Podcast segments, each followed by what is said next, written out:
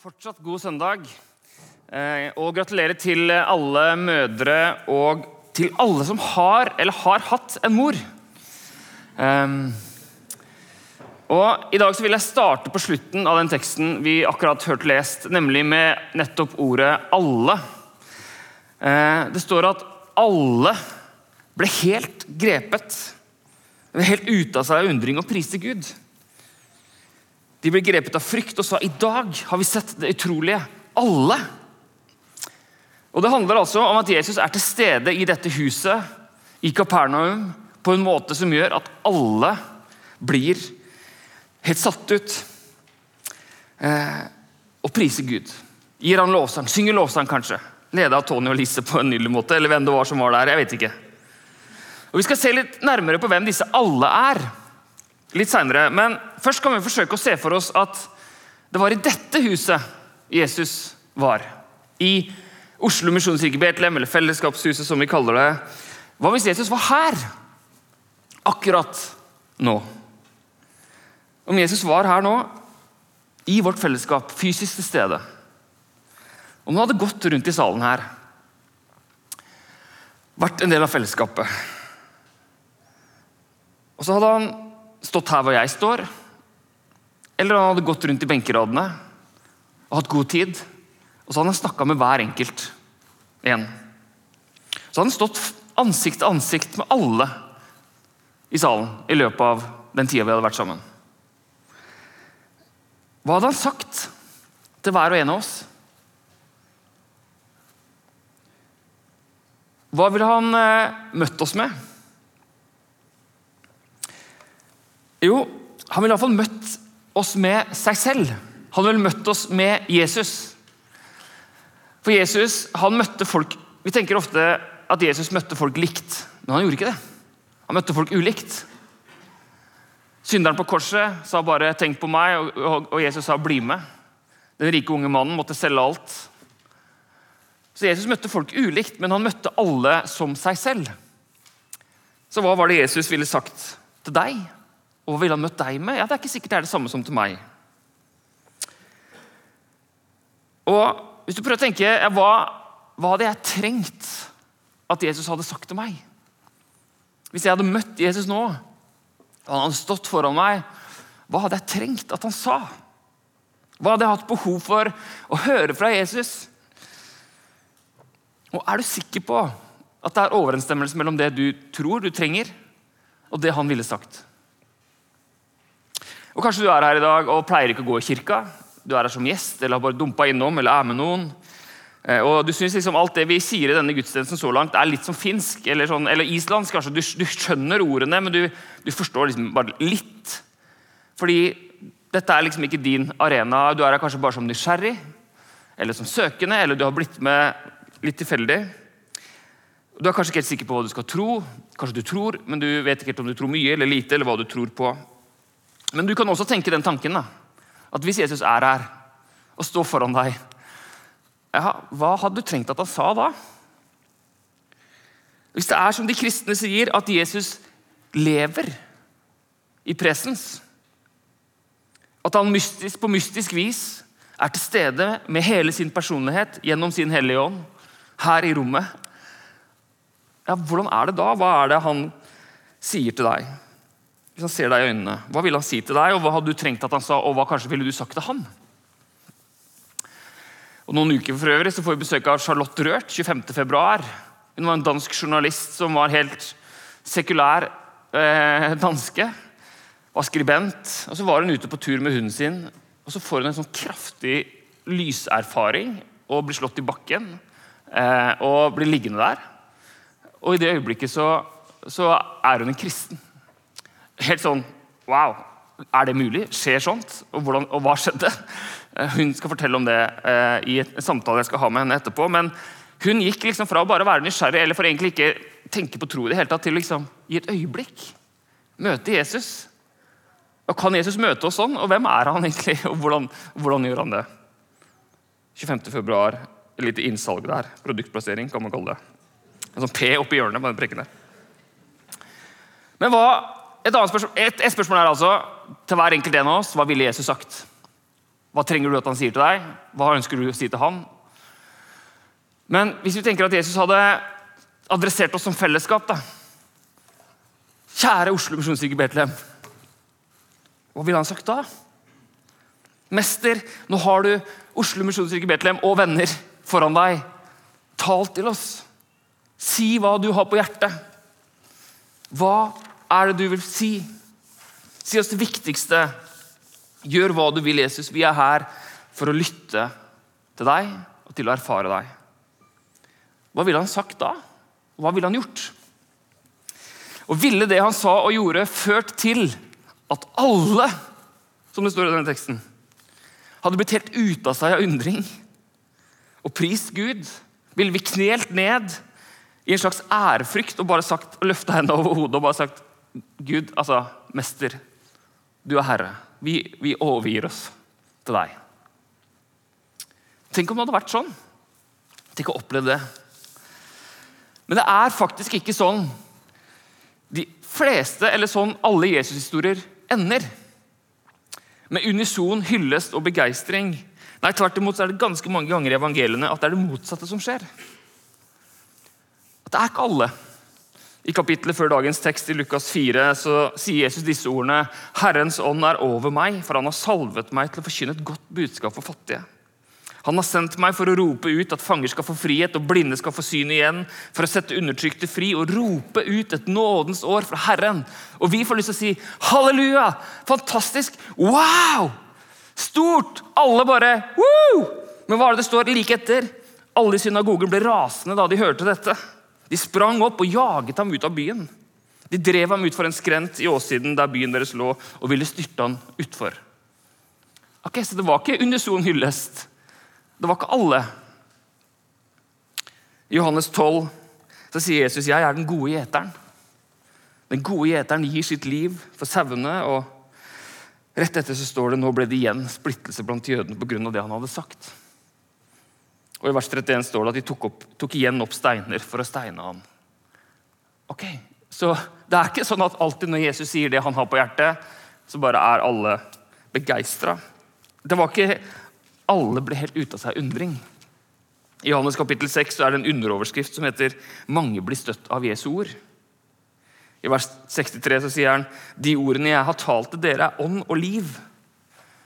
Ånd og liv. Ah, så deilig. Ånd og liv. Og i vers 66, enkel huskeregel, vers Johannes 6, 66, 666 Etter dette trakk mange av disiplene seg unna og gikk ikke lenger omkring sammen med han. Han sa noe mer, men mellom liksom ånd og liv, og så sa han noe mer. og så sa han, Etter dette trakk mange av, disiplene, av disiplene Altså Mange av disiplene trakk seg unna og gikk ikke mer sammen med han. Ok, Jeg har vært disippel fram til dette punktet, jeg har fulgt deg, Jesus, men nå det her blir for mye. Nå er det slutt. Men det er ikke oss. ikke sant? Vi er ikke blant de. Vi ville ikke blitt provosert av Jesus eller overraska av Jesus. Vi ville vært de som sto igjen. Eller? For egen del så er jeg ikke helt sikker. Kanskje er det de av oss som tror at vi, vi har mest peiling på Jesus. Jeg kan Jesus. Jeg har kontroll på Jesus. Jeg vet hva Jesus mener. Kanskje er det sånne som meg som ville gått først. Hva er det du sier, Jesus? Det stemmer ikke. Men jeg håper, jeg, vil, jeg håper, vi ville sagt som Simon Peter. Da spurte Jesus de tolv vil også dere gå bort. Simon Peter svarte, 'Herre, hvem skal vi gå til?' 'Du har det evige livs ord.' Og vi tror og vet at du er Guds hellige. Å, måtte det være responsen når Jesus sier det han sier til meg og til oss. At ok, Jesus, hvor skal vi gå? Vi har bare deg. Du har det evige livsord, og du er ordet. Men hva skjer seinere i historien? Jo, Simon Peter banner på Simon Peter, denne Simon Peter banner på at han ikke kjenner Jesus. Disiplene sovner i Getsemane. Jesus må kjempe alene, som vi hørte Preben snakke om siste gang. forsto jeg. Preben Hott. Eh.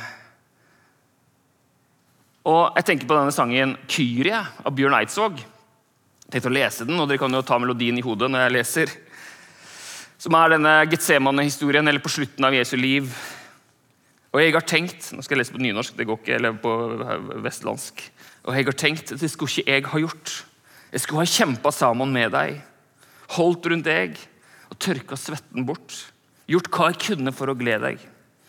Men jeg vet at jeg svikter. Jeg òg svikter. Fornekter og bedrar. Jeg gjør ikke det jeg vet jeg plikter. Jeg er hjerteløs og har likasel for andres nød. Altså, bryr meg ikke om andres nød. Ofte blind for venners sorg. Hva bryr det meg, de andres død? Min kulde er så fast ei borg. Likevel er du like glad i meg. Tilgi meg alle feil av mine. Stille tar du kappa di av deg og tar til å vaske beina mine. Hva er det jeg vil si med dette? Jo, én ting er at nåden som kommer fram i siste refrenget til Eidsvåg, sannheten som står i 2. Timoteus 2,13 om at er vi troløse, så er han trofast. For han kan ikke fornekte seg selv.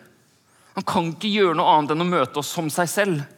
Så om vi får lyst til å gå vekk, og om vi går vekk, så er, virker det som at, at, at Jesus er, at han etterjager oss med sin kjærlighet.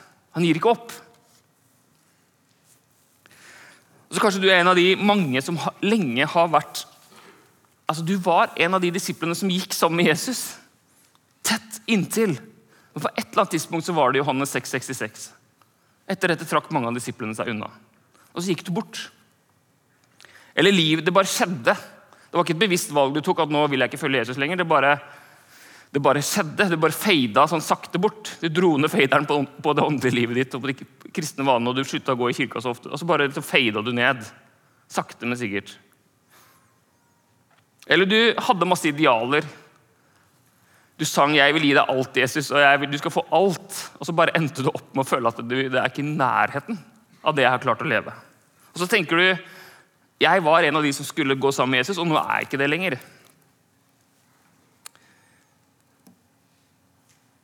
Du sa 'gi meg Jesus', og du sa 'jeg vil gi deg alt, Jesus'.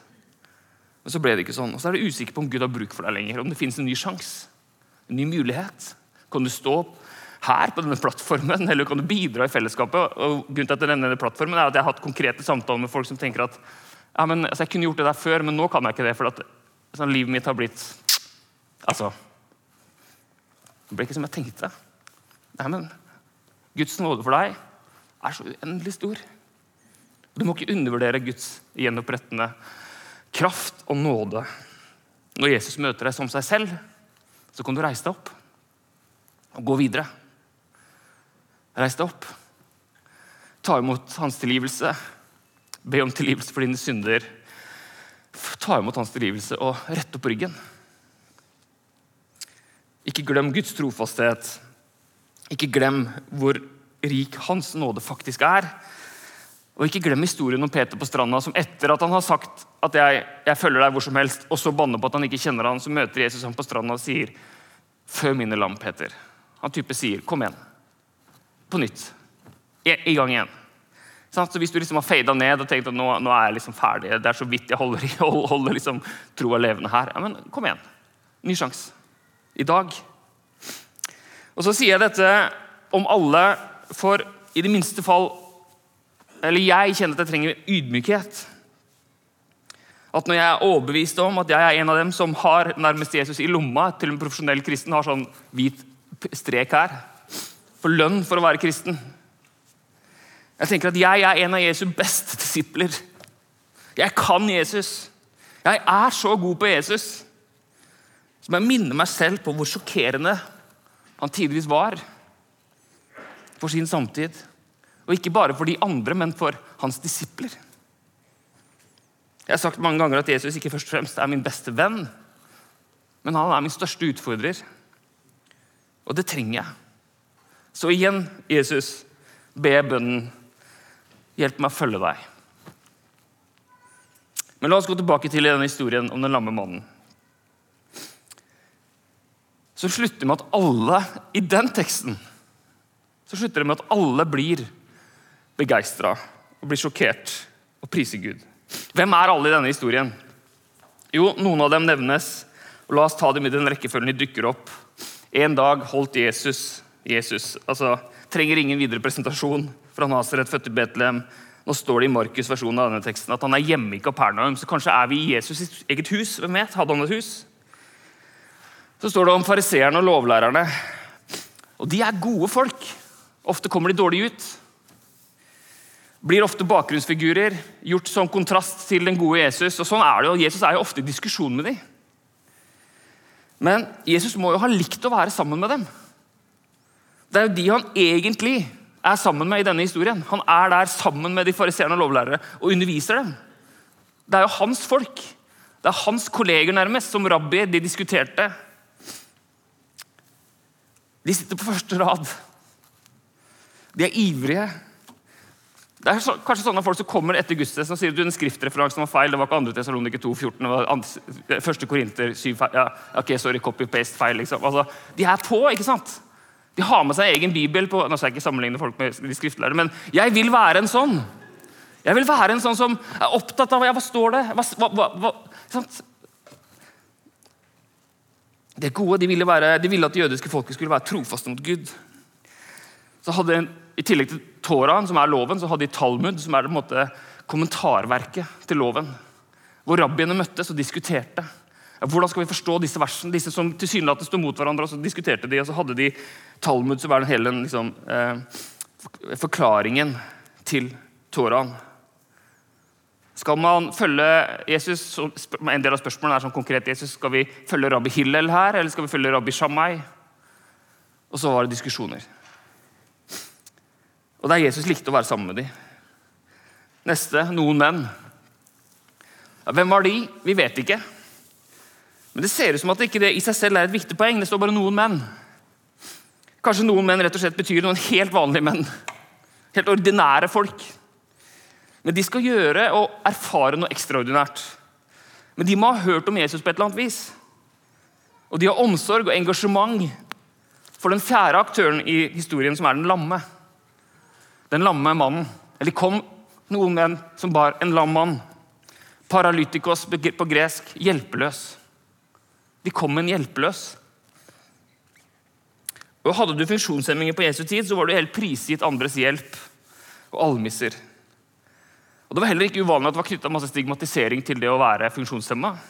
Og det var spekulasjoner om du eller dine foreldre hadde synda som gjorde at du nå var, hadde denne tilstanden. Om det var en straff fra Gud. Og Det var også en del tilstander som begrensa din mulighet for å delta i synagogen og i tempelet. Men vi vet ikke relasjonen mellom noen menn og den lamme. Er det vennene til den lamme? Eller er de bare tilfeldig forbipasserende? Var det den lamme som sa 'ta meg med til Jesus', jeg trenger å komme meg til Jesus? Eller var det de fire forbipasserende som 'hei, han her må vi ta med til Jesus'? Og så hadde han ikke noe valg, for han er lam. ikke sant? Han bare, de bare tok han, liksom. Vi tar dem uansett. Du skal faktisk ikke helt bare le av det. jeg tenkte om, for at eh, det, det, å ha en funksjonsnedsettelse i kristen sammenheng kan være skikkelig plage. For det kommer masse folk som skal be for deg hele tiden. Ja, nei, Vi må be om helbredelse. Og så Og så er det bare igjen og igjen, liksom. Okay, for, for 10 000 gang. Det er sånn, ok, Kjør på, liksom, hvis det, hvis det er godt for deg. Hvis det hjelper deg å få utøvd din tro, så gjør det. Men min erfaring er at det funker veldig dårlig. Altså, forteller jo selv mennesker som er blinde, f.eks. Hvis du er i en sånn karismatisk sammenheng hvor forbønn er en greie, så er det jo alle skal be for det hele tiden. Og Det er fantastisk med de historiene hvor, viser, hvor noen får synet tilbake. De fleste som er funksjonshemma, opplever at Gud er veldig god på smerter, men ekstremt dårlig på funksjonshemminger. Ehm, så det kan være slitsomt å være lam og hjelpeløs i en kristen sammenheng. Men uansett så har det skjedd noe i møtet mellom disse noen og den lamme som krever Og kanskje er det Jeg ser for meg, også for å gjøre preken best mulig, at det er den lamme som sier 'hjelp'. Det krever enormt mot å si 'hjelp'. Jeg er hjelpeløs. Kan du hjelpe meg? Det er mye enklere å være den ressurssterke og være de som bærer. Mye enklere å si 'jeg kan bidra hvis det trengs'. Bare spør meg. Jeg har styrke. Men det å være den som sier jeg er hjelpeløs. Jeg.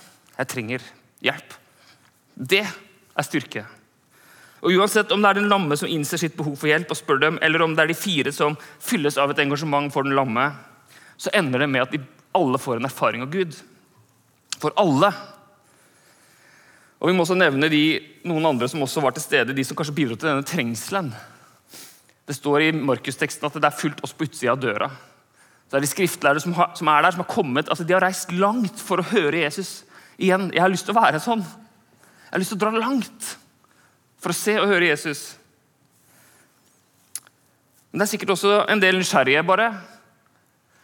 Folk som bare er i landsbyen, folk som er skeptiske, folk som tviler, folk som står bakerst, bakerst benk på en måte, i dette huset. Kanskje det er noen romerske soldater der som er gjengen. Som utgjør denne trengselen. Disiplene var sikkert der. Så med disse aktørene på plass, la oss bare igjen høre teksten, eller gå raskt gjennom den igjen.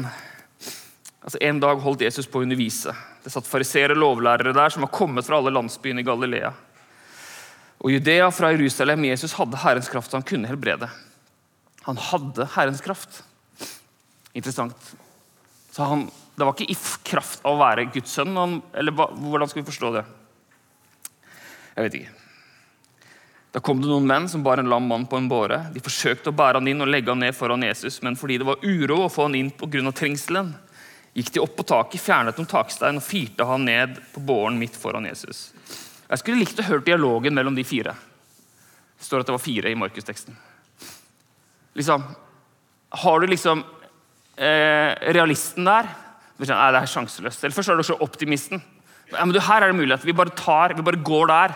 Og så sier han som får sånn eh, K på sånne personlighetstester, og de har sånn Nei, jeg tror ikke det funker. Kjempeviktig stemme for øvrig i ethvert team. Men ja, eh, Jeg skulle likt å høre dialogen mellom de fire. Ah, hvordan skal vi gjøre dette? Men de gjør i hvert fall dette. Og da Jesus så deres tro, sa han, 'Venn, syndene dine er deg tilgitt'. Da Jesus så deres tro Altså, han så troen til de fire. Eller var det til den lammende? I hvert fall flertallet. Til dere. Jeg så deres tro. Og Den tilliten de hadde til Jesus, på en eller annen måte, den har jeg også lyst på. At de liksom tenker ja, men vi tar med Jesus, vi tar med det lammet til Jesus. Kanskje det kan funke? Kanskje Jesus kan gjøre noe med dette? Og Jeg er jo som jeg har sagt mange ganger, en sånn skeptiker, men jeg har lyst til å ha den der naive, en slags naiv tillit til Jesus. At, men dette her problemet tar vi med til Jesus. Tenk om han gjør noe med det. Det har vært fantastisk. Jeg har lyst til å ha den, den tilliten som de viser. Jeg likte at vi ba for matsikkerheten i stad under forbønnen. Jeg tenker liksom, kjære Gud, altså, Vi går rett fra å synge lovsang til å be for matsikkerheten, og jeg elsker det. Fordi altså, Et slags naivt eh, håp om at at hvis vi ber om det, så kanskje Gud kan gjøre noe. Altså, og Det hjelper oss å løfte blikket ut og ikke bare være i en sånn egen liten boble. Nei, men Vi tar med oss matsikkerheten til Gud. verdens matsikkerhet. Vi tar med oss alle barn som sliter med hva som helst, og vi tar med eh, ungdommene våre til Jesus. For at Tenk hvis Jesus gjør noe med det. Jeg har lyst på den tilliten. Men de skriftlærde fariseerne tenkte straks hva er dette for en som spotter Gud hvem andre kan tilgi synder enn Gud alene? Jesus visste hva de tenkte. Og Det er en superkraft eh, man ikke har lyst på, kanskje. Å vite hva alle tenker. Eller er heller ikke en superkraft du ønsker å være rundt. Altså Hvis Jesus hadde vært her og visst hva alle tenkte, og når som helst kunne liksom si 'Jeg vet hva du tenker', og så si det høyt. Hva ville han sagt til deg? Hva ville du tenkt? Hva tenker du nå når jeg står her og preker? For eksempel? eller hva som helst. Altså, hva tenker du på? Tenker du på Manchester United eller fotball? eller... Nei, jeg vet ikke. Men Jesus vet hva de tenker, og sa til dem hva er det dere, hva er, hva er det for tanker dere går med hjertet. Hva er lettest å si? Synden din er tilgitt, eller stå opp og gå. Men for at dere skal vite at menneskesønnen har makt på jorden til å tilgi synder. Og nå venta seg til den lamme, så sier jeg stå opp, ta båren din og gå. De fleste hadde nok en klar formening om hva den lamme mannen trengte. Han trenger helbredelse. Men Jesus hadde en annen prioriteringsliste, så han begynte med noe annet. Syndene dine er tilgitt. Og Så sier han 'stå opp'. Og Straks reiste mannen seg foran øynene på dem, tok båren han hadde ligget på, og gikk hjem mens han lovpriste Gud. Alle ble helt ute av seg av undring og priste Gud. Ekstasis betyr det ordet. De ble helt ekstatiske. De ble grepet av frykt og sa i dag har vi sett det utrolige. Paradoksos. I dag har vi sett noe som er utenfor normal lære, utenfor normal forstand. I dag er idealet ofte 'jeg klarte det helt selv'. Jeg tror det var på 'Mesterens mester' jeg så her om dagen. En som sa 'jeg er så stolt at jeg klarte det helt selv'. Jeg fikk til alt dette helt selv. Men den kristne versjonen er at det er ikke mulig. Du trenger de andre. Ordet 'hverandre' brukes altfor mye i Bibelen i Det nye testamentet til å tenke at det å, krist, å være kristen er noe du skal klare helt selv. Nei, Du trenger et bærelag som bærer deg. Og du trenger å være en del av et bærelag. Og Til ulike tider i livet og på ulike områder så er vi alle hjelpeløse. Vi kommer til kort. Og Derfor har vi fellesskapet. Og I Danmark så bruker de ordet 'vi tror' i trosbekjennelsen. Og jeg liker det. Og Det er ikke feil i forhold til liksom sånn det egentlig var, men man har valgt litt ulike retninger. Vi tror på Gud Fader. Vi tror på Jesus Kristus. Vi tror på Den hellige ånd. Så om du står der da og tenker at troa mi er litt så som så om dagen er litt usikker på om jeg kan si 'jeg', ja, men så kan du i hvert fall liksom høre bare folka rundt deg si 'vi'. Det er ikke din tro, men det er kirkas tro og fellesskapets tro. Det er de som bærer deg. Så kan du akkurat som si at 'jeg er litt sånn hjelpeløs om dagen', men takk for at dere hjelper meg. Og La oss være det fellesskapet hvor det er lett å si 'hjelp'. Hvor det er lett å vise at man kommer til kort. Hvor vi ikke møtes i vår styrke, men i vår svakhet. Hvor vi også forstår at alle har noe å komme med, alle har noe å bidra med. uansett bare at Hvis du bare klarer å komme deg til kirka, ja, da er du en ressurs. Da er du, da er du et menneske her. Du er 37,5 grader, bidrar med varme, i hvert fall. Ja, alle har noe å komme med. Vi trenger hverandre for å se Jesus. Alle i huset var viktige for Jesus. Og alle fikk erfare det utrolige, fordi alle hadde en viktig rolle i historien. Og Jeg vil avslutte med Paulus bønn i Feserne 3. Og så skal vi høre en sang, eller synge en sammen, sang sammen. Derfor bøyer jeg mine knær for Far, Han som har gitt navn til alt som kalles Far i himmel og på jord. Må Han som er så rik på herlighet, gi deres indre mennesker kraft og styrke ved sin ånd. Må Kristus ved troen bo i deres hjerter, og dere stå rotfestet og grunnfestet i kjærlighet. Må dere sammen med alle de hellige bli i stand til å fatte lengden og bredden, bredden og lengden, høyden og dybden, ja, kjenne Kristi kjærlighet som overgår all kunnskap. Må dere bli fylt av hele Guds fylde, Han som virker i oss med sin kraft og kan gjøre uendelig mye mer enn det vi ber om og forstår. Han være ære i Kirken og Kristus Jesus gjennom alle tider, gjennom alle slekter og evigheter. Amen.